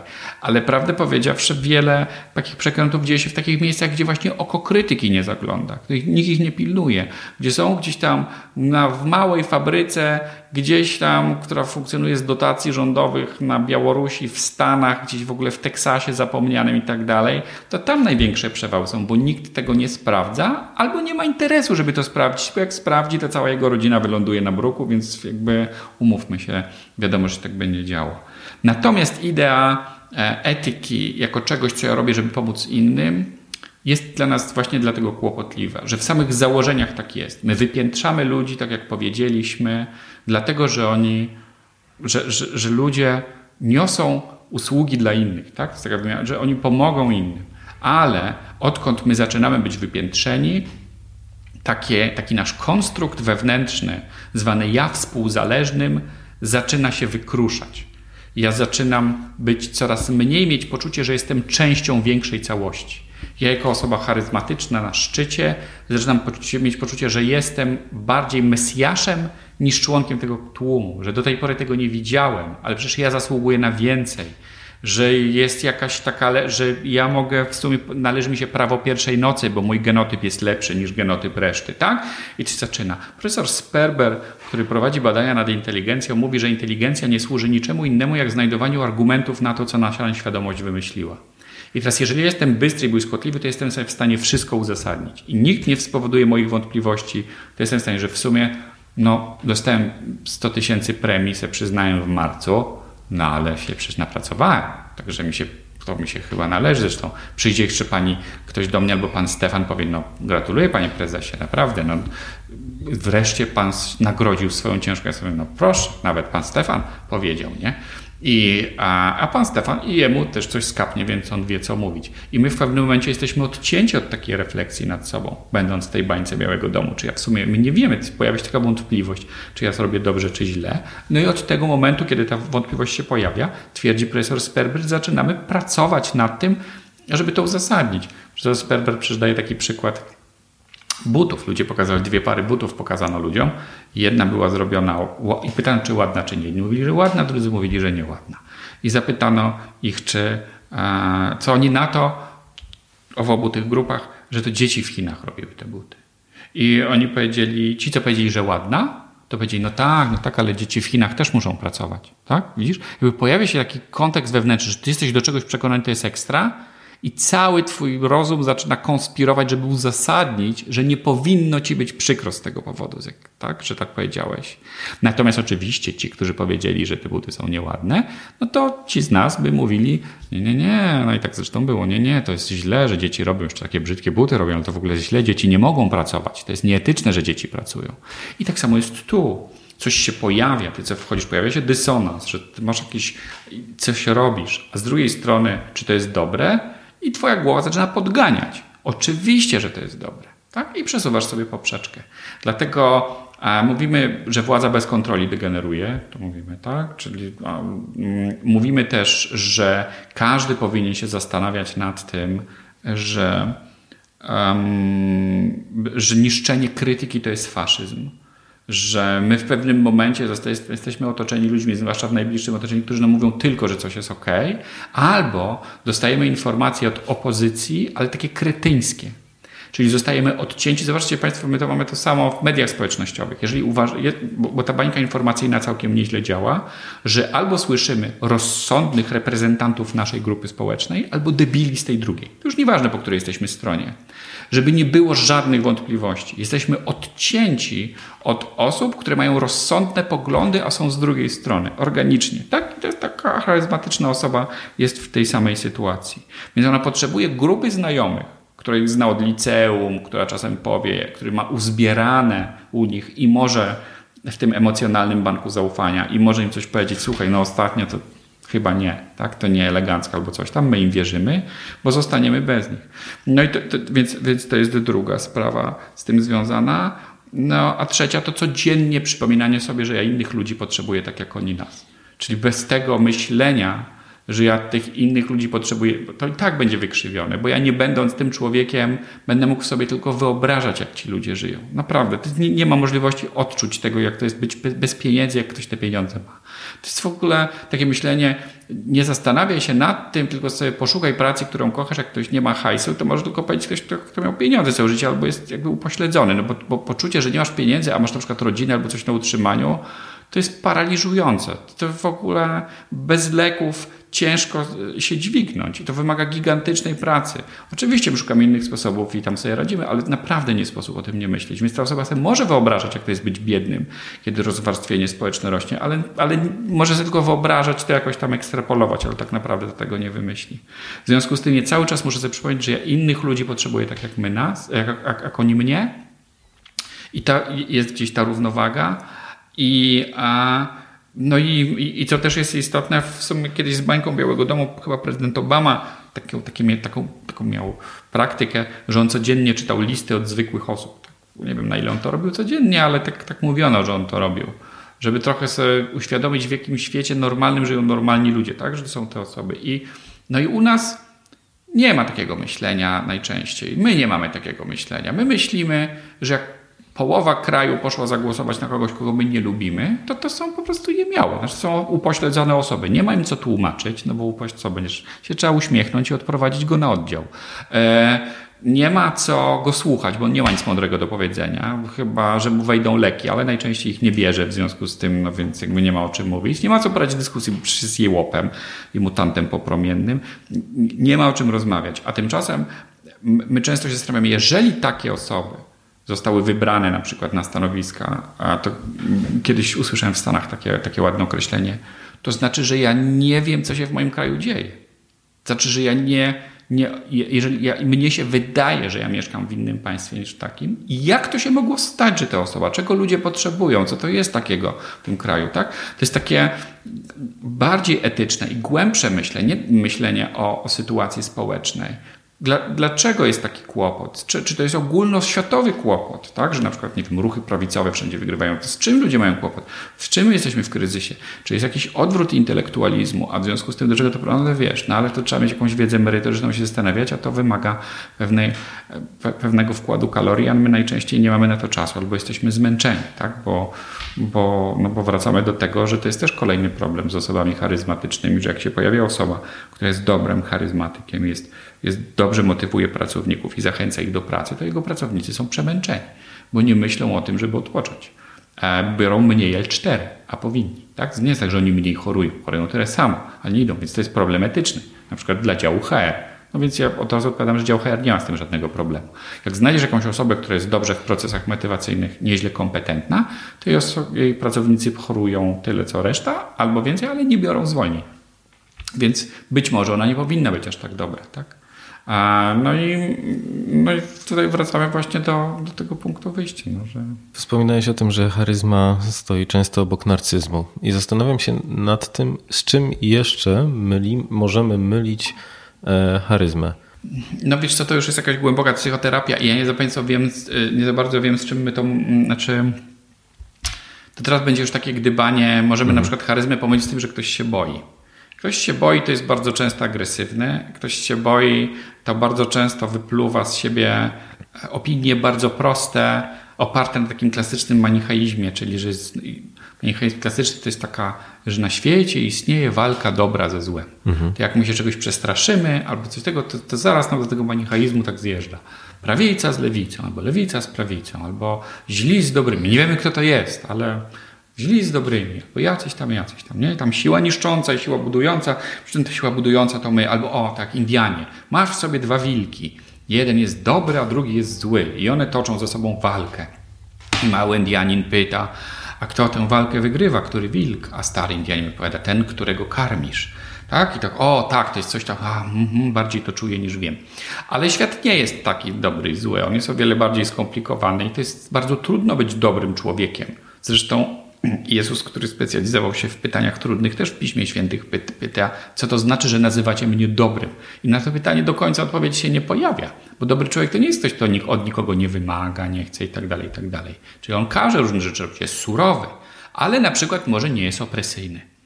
E, I jak ktoś zaczyna być opresyjny, to to już nie jest charyzmatyczna osoba w takim rozumieniu, jak chcemy. Czyli ona nie tylko mówi, że jest tu wysoko postawiona poprzeczka, wymaga też oczywiście od siebie, a nie odwraca od siebie uwagę cały czas, tylko dokłada taki pierwiastek, nie wiem, a taki klasyczny przykład opresyjności. Pisałem o tym rozdział w książce teraz, więc mam na świeżo. To jest coś takiego, że ktoś wchodzi do pokoju, gdzie była kartka proszę nie przeszkadzać i, i, i on mówi tak, gdy wchodzisz, pytasz przepraszam, a on mówi tak, kartka wisi. To jeszcze jest jak cię mogę. Zimne, ale można być zły. Ale jak zaczyna do tego opowiadać, czytać nie umiesz, tyle lat na studiach, a czytać nie umiesz, i ty się uważasz za... Tak, to już jest opresyjność. To nie jest potrzebne do niczego, że ja ci dokładam. Ja myślę, że wielu z nas ma z rodzin większe przykłady na opresyjność niż z, niż z pracy, ale to tam zależy, kto do jakiej rodziny trafił, ale to jest takie codzienne, że jest taka, dlatego my często mówimy o tym, że taki feedback, czyli informacja zwrotna informatywna jest bardzo dobra. Czyli mówi o tym, że co ktoś zrobił, a nie co to znaczy o jego bagażu genetycznym i o jego matce. Tak przy okazji co to się, co to się stało. No, to, ale to jest trudne, bo my oprócz tego, że coś przeżywamy emocjonalnie, to chcemy to wyrzucić.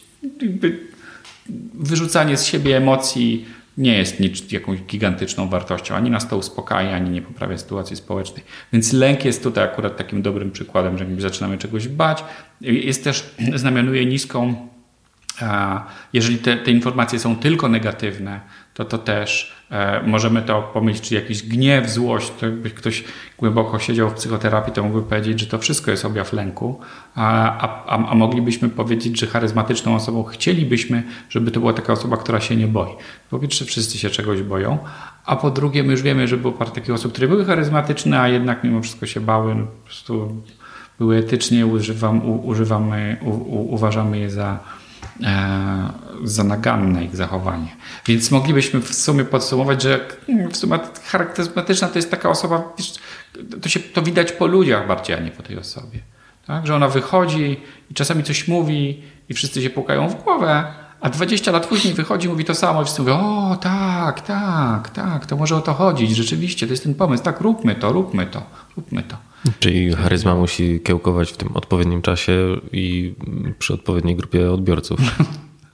No, już mi przyszedł do głowy taki przykład, że jestem charyzmatyczny, ale nie w tych czasach i nie tą szerokością geograficzną. To jest dokładnie to samo dotyczy etyki. No my mhm. charyzmatyczną osobę poznamy po tym, co, jak ludzie na nią reagują, a nie to, mhm. co ona sama o sobie mówi, nie? Bo ona, oczywiście my naj, najczęściej mamy jakieś poczucie, czy jesteśmy charyzmatyczni, czy nie. Ono jest trochę odklejone od rzeczywistości. Najczęściej uważamy się za trochę bardziej charyzmatycznych, e, bo to jest pozytywna cecha, ale mam nadzieję w trakcie tego podcastu też się okazało, że to różnie bywa, że to wcale tak nie jest. W sumie my znamy tylko jedną ludzką cechę, która ma jeden biegun i to jest życzliwość. Cała reszta nie ma. Inteligentna osoba może być zła i może być dobra. Charyzmatyczna osoba może być zła i może być dobra. W sumie każda osoba może być zła. Współczująca osoba, współczucie też ma dwa bieguny. Można tak bardzo komuś współczuć, aż, aż mu to zaszkodzi. Tak, i tak dalej, i tak dalej. Więc kochać kogoś tak można też, że to komuś zaszkodzi. Więc mm, charyzma się w to wpina. Nie jest taka prosta rzecz bycie charyzmatyczną osobą, ale też jak się przekonaliśmy, wydaje mi się, bo to gdzieś cały czas funkcjonuje, to trzeba mieć dużo szczęścia. Czyli ty się rodzisz, masz pomysł, że chodzi w życiu o to, że chcą nas zniszczyć kosmici, a akurat są lata 60. w Stanach i po prostu wchodzi jak w masło. Albo, że choroby, albo że obcokrajowcy, albo że zmiany klimatu, albo że coś tam, tak? Albo że Jezus, albo że Buddha, albo że Allah, albo że ktokolwiek inny. Tak to wchodzi, pomijając, które z tych faktów są prawdziwe, a które nie, bo nie jesteśmy w stanie ich zweryfikować. Ale wracamy do tego, że najlepiej działa emocjonalny, silnie emocjonalny osoba, która mówi o swoich emocjach, jakiś tam gniewie, o radości, o nadziei, e, używa symboli. Symbol jest takim słowem kluczem, który w przypadku charyzmatyków się pojawia. No więc przydałoby się, żeby to była osoba trochę oczytana, trochę wiedziała, w jakiej symbolice się poruszają osoby, do których będziemy mówili. I tego używał. Dużo mówiliśmy o tej komunikacji osoby charyzmatycznej. A, a teraz chciałem zapytać o to, jak to jest z tą zewnętrzną reprezentacją, że tak to nazwę? Czyli o to, jak, jak charyzma, czy w jaki sposób na charyzmę wpływa ubiór osoby, albo jej gestykulacja, czy też mimika? Mhm. No, to jest e, ten zestaw, który jest najłatwiej wyćwiczyć w sumie, nie? Chociaż też mm, powiemy, my, my, bardzo lubimy jak e, sprawdzać osoby wtedy, kiedy jest coś nie tak. Bo jak jest coś nie tak, to wyjdzie, kiedy się ubrałeś albo zachowujesz nie tak w jakiś sposób, który, który jest dla ciebie naturalny. Bo jak jesteś zły, czyli na przykład, o, mamy przykład osób, które są bardzo charyzmatyczne, jak wszystko jest w porządku. Czyli one budują taką sytuację sztucznego napięcia. Na przykład wpada mąż do domu i mówi tak, no dobra, dobra, co tutaj tak wszyscy siedzą? Tutaj ty proszę, tutaj robimy. Po południu wychodzimy, bo mamy teatr załatwiony. A teraz wszyscy jedziemy biegać. I, a w ogóle tutaj jest nieposprzątane. To szybko, szybko teraz sprzątamy, a potem będziemy wychodzili. Tak? Czyli nic nie dzieje. Ludzie się dzieli w ogóle patrzą jak śnieg pada albo jak leci babie lato, a ktoś wpada i produkuje z tego taki stan podwyższonego napięcia. Ale takie osoby, zdarza się często, jak się sytuacja naprawdę psuje, to one się wycofują. Tak? Czyli mają taki, jakby przeskakuje im na drugą stronę. Czyli na przykład jest pożar, piesek jest chory, kotek. Nie, zobacz, zobacz, nasz pies wymiotuje, chyba się czym udławił. Stefan, chodź, zobacz, co robimy. A Stefan tam, no nie wiem, nie wiem, nie wiem, nie? I to się wtedy okazuje, że to ta żona zaczyna działać, tak? Jak, jak naprawdę emocje skoczyły. Więc e, kiedyś tak się ładnie mówiło, że związek się testuje wtedy, kiedy jest ciężko, a nie wtedy, kiedy jest lekko, bo my też osoby charyzmatyczne poznajemy, że jest ciężko, one potrafią coś powiedzieć, żeby inni zrobili, ale jest to też, co ciekawe, taki poziom ogólności, że one nie zawsze, albo w sumie nie mówią dokładnie, co trzeba robić. Tylko tak mówią, musimy się wziąć razem pomożecie, każdy z nas wie, co ma robić. Realizujmy plan. Każdy codziennie jest rycerzem na drodze do naszej prawdy. Każdy wykuwa naszym młotem to złoto, którego wszyscy chcemy. Nie dajmy im zabrać naszej pracy. Tak? My nie wiemy, ale każdy, tak, tak, ja wiem, to moje, tak, ja będę te swoje tabelki liczył, a ja coś tam będę liczył, a ja będę dzwonił po klientach. Tak? My wiemy mniej więcej o co chodzi. Więc, więc ta symbolika jest ważna i można ją wyćwiczyć, a jednocześnie emocjonalność też. I my potem poznajemy osoby, które są takie silnie ekspresyjne ta silna ekspresja jest bardzo potrzebna. Być może jakiś poziom ekstrawersji też, ale to, żeby te osoby potrafiły ręką, żeby potrafiły, żeby potrafiły ubraniem, żeby nie pokazywały tego, że są takie tak do końca normalne, że są normalne, ale trochę takie myknięte na lewo że są takie, że są niby ubrane w krawat, ale krawat jest innego koloru. Albo że są, mają koszulę z długimi rękawami, ale ta koszula jest podwinięta. Albo mają coś tam, ale mają kolczyk. Albo że coś je wyróżnia, a jednocześnie trafiły na ten Olimp, a w związku z tym, no muszą, to jest trochę taki efekt, którego nazywamy efektem pawia, tak? Że jeżeli ktoś tak wyglądający trafił tak wysoko, to to musi być niesamowita historia, tak? To musi być, ten profesor Nordstrom opowiada tę historię, że my lepiej się wyróżnić trochę, niż próbować się ścigać z resztą. On zresztą omawiał tym w kontekście iPhone'ów, mówił, że iPhone to kiedyś nie był smartfon, tak? Że to był iPhone, to jest po prostu iPhone. Dla wielu ludzi zresztą dzisiaj iPhone to iPhone. Jak ktoś go zestawia z innymi iPhone'ami, przepraszam, smartfonami w tabeli, to po prostu nie wie o co chodzi iPhone'a się nie zestawia z niczym innym. Tak? To jest takie urządzenie, którego dotknęła Matka Boska i ono uzdrawia tam w ogóle z wszystkich chorób wrodzonych i nabytych. I, I to dokładnie o to chodzi. On mówił, że to bardzo ułatwia funkcjonowanie na rynku, że jesteś inny niż reszta. E, I on dawał przykład pawia, bo on powiedział, że pawie właśnie mają długie ogony, że, że, że, że, lider rynkowy to nie jest pantera, która wszystkich zabija, tylko paw. Bo paw przed nikim nie ucieknie, nigdzie się nie schowa, nikogo nie pobije, nikogo nie kopnie, ale laski, jak go widzą, wierzą jedno. Jeżeli tak wyglądający koleś przeżył, to to musi być zajebisty koleś. I to jest dokładnie to samo, co mamy tu. Jak się trochę wyróżnisz od reszty, opowiadasz innym językiem, inaczej i mówią, kurde, ale jednak jest prezesem. Znaczy, że no, pierwszej chwili mi się wydawało, ale tak powoli, powoli ten robak zwątpienia zaczyna nas drążyć, sobie no, no, no, coś w tym jest. Nagle ktoś przychodzi, nagle wszyscy już mówią sobie, no ja wiem, wy tak super emocjonujecie, a potem mówimy, no w sumie lepszy zły plan niż brak planu. No więc jak on już ma jakiś i wie, przynajmniej jeden jest pewny, coś śmieszne, te osoby często są pewne w sytuacjach, w których nie można być pewnym. Bo, co, bo my wiemy, że się nie da. Jak ktoś nam mówi, co mu wypadnie trzy razy następnym razem, jak rzuci monetą, no to my wiemy, że jednak nie wziął leków albo wziął za dużo, bo źle odczytał z recepty. Bo to jest nie do zrobienia. Nawet w dużej, w dużej próbie to się zbliży do 50%, ale w małej to może być cokolwiek, łącznie z tym, że mu się po drugim razie moneta zgubi i trzeci raz nigdy nie rzuci. A czym, tymczasem takie mówienie demagogiczne, odklejone od systemu jest dla nas bardzo uwodzące. My chcemy wierzyć, że oto pojawiła się osoba, która mówi: Ja wiem, jak to zrobić, żeby nasz kraj był tak bogaty jak kiedyś. Ja wiem, jak to zrobić, żeby nasz kraj, boga- żeby nasza firma była taka jak kiedyś, żeby on to osiągnęła. Tak, dlatego te charyzmatyczne osoby się bardzo, jak w masło, wchodzą w sytuacje trudne, bo my bo pożądamy kogoś, kto wie, choć rozsądek tam tłamszony przez naszą emocjonalność, to mówi, ale tego się nie da wiedzieć, nie da się tego wiedzieć. A nasza emocjonalność, morda, ośle, będziemy teraz tu, my zanim pójdziemy, to wszystko będziemy, oto zostaniemy uzdrowieni i będzie dobrze. No, my tacy my jesteśmy właśnie. I myślę, że to jest taka fajna rzecz w tej charyzmie, że ona jest do pewnego stopnia jednak trenowalna i łatwo to zrobić, zwłaszcza jeżeli ktoś ma pomocników. Pamiętajmy, że osoby wysoko postawione nie robią nic same. One trochę mówią, ale ani nie piszą swoich przemówień, ani listów, ani nie opiniują, ani nie robią swoich prezentacji, bo prezentacje od pewnego poziomu w organizacjach już robią agencje. To nie jest tak, że te osoby mają same coś do powiedzenia, muszą mieć same coś, mogą mieć same coś i często mają, ale nie jest to warunek konieczny. Możemy sobie wyobrazić sytuację, w której się pojawia osoba, która ma niewiele, czyli taki klasyczny dyzmizm, natomiast jest masa osób, która czerpie profit z tego, że ta osoba tam jest. Jest im wygodnie po prostu. Tak? I my w sytuacjach społecznych często mamy. My często wypiętrzamy społecznie osoby, dlatego że one coś oddadzą, a głównie nam. Czyli jeżeli ktoś zostaje, nie wiem, premierem, nie, nie mówię o naszym kraju, ale o każdym, to tam się daje osobę, która będzie wiedziała, jak się zachowywać wobec osób, które umianowały tym premierem.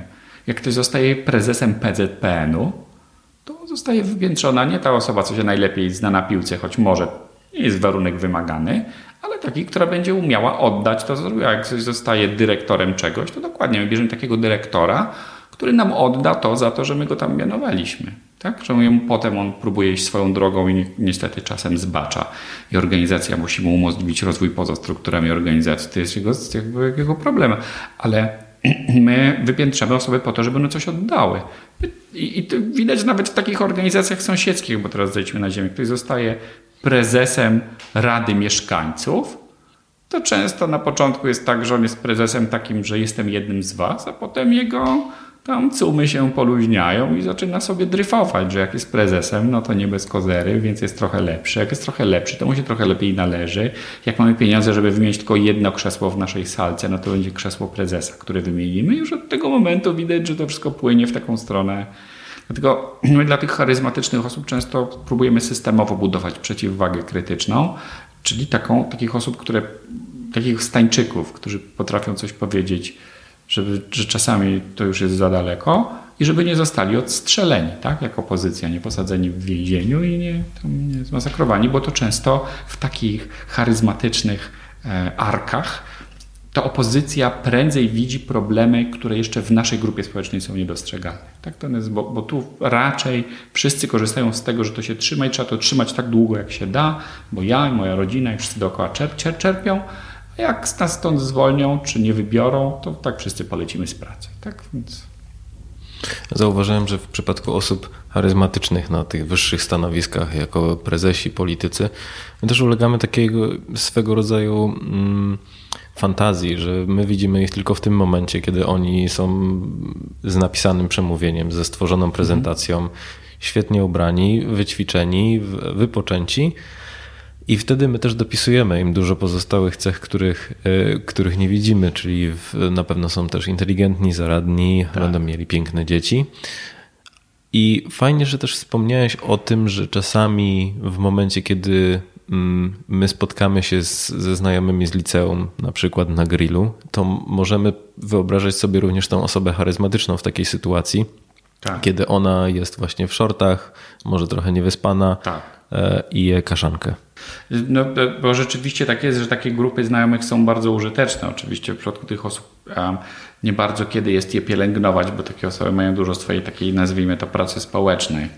E, no tak, no, no, no wiadomo, że mamy taką, taką ochotę do domykania figury, że te osoby w ogóle zawsze są takie i tak śpią i tak się budzą i ładnie wyglądają, tak jak aktorki, nie? Także my, no, mam, to, no, jest to jakaś taka z jednej strony naszego umysłu nie, niedoskonałość.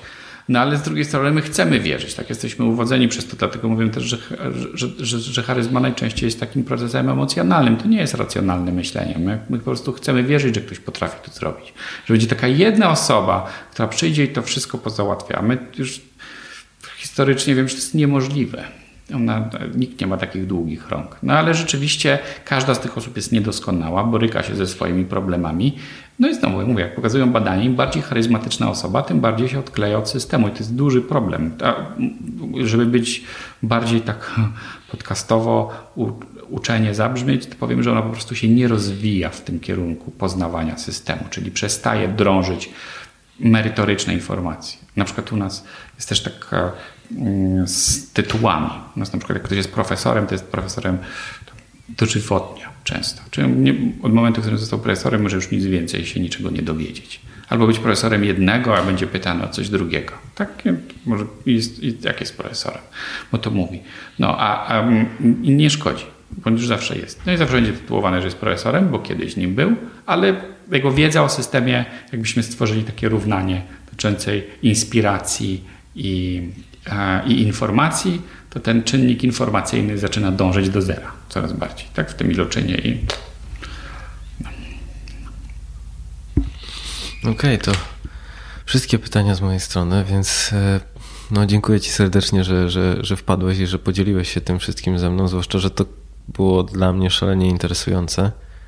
Więc dziękuję. Cieszę się bardzo, bardzo Ci dziękuję. Myślę, że myślę, że, że, że to znowu nas sprowadza do takiego myślenia, że nawet jak się czuję mądry i się czuję osobą charyzmatyczną się czuję fajny, to muszę mieć, kultywować z tyłu głowy taką grządkę, że jestem niedoskonały i że zwłaszcza w tych sytuacjach, w których czuję się pewny siebie i że na pewno, tak jest jak myślę, to powinno mi zapalać taką las, lampkę od e, lampkę od tego, żeby wcisnąć pauzę. Tak jak mówią Japończycy też, że jak wchodzisz w za silne emocje, to na pewno jest moment, żeby wcisnąć pauzę. Że jak coś cię za bardzo jara, albo uważasz, że coś jest super, albo że ktoś jest nie wiadomo jaki i tak dalej, to, to żeby to, bo, bo jednak y, takie inteligentne spoglądanie na świat znamionuje to, że się dostrzega bardziej odcienie, odcienie szarości, a nie po prostu czerni biel, bo świat taki nie jest. Jest, jest, jest o wiele bardziej skomplikowany i my z tą swoją niedoskonałością próbujemy sobie poradzić. A zwłaszcza, kiedy stajemy się wypiętrzeni społecznie w każdy sposób, to trzeba pamiętać o tym, że zaczynamy oddryfowywać sami i z pomocą ludzi dookoła, którzy korzystają na tym, że los nas tam wypchnął.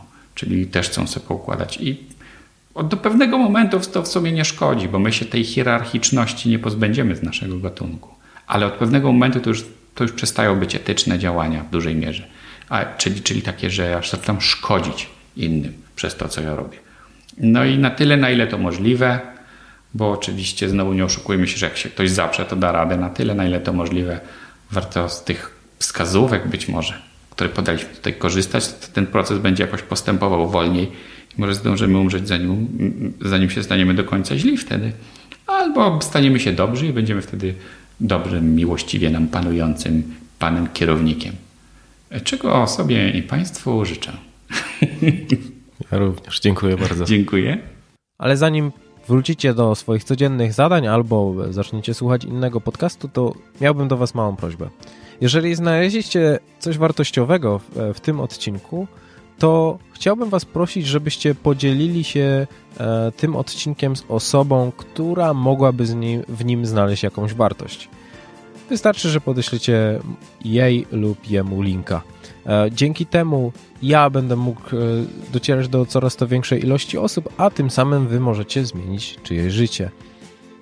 Poza tym to zachęcam do śledzenia podcastu Charyzmatyczny w mediach społecznościowych, na Facebooku, na Instagramie, na LinkedIn, na Twitterze, żebyście mogli być z nim na bieżąco. Dzięki, że wysłuchaliście tego do końca, no i do usłyszenia w następnym odcinku. Cześć!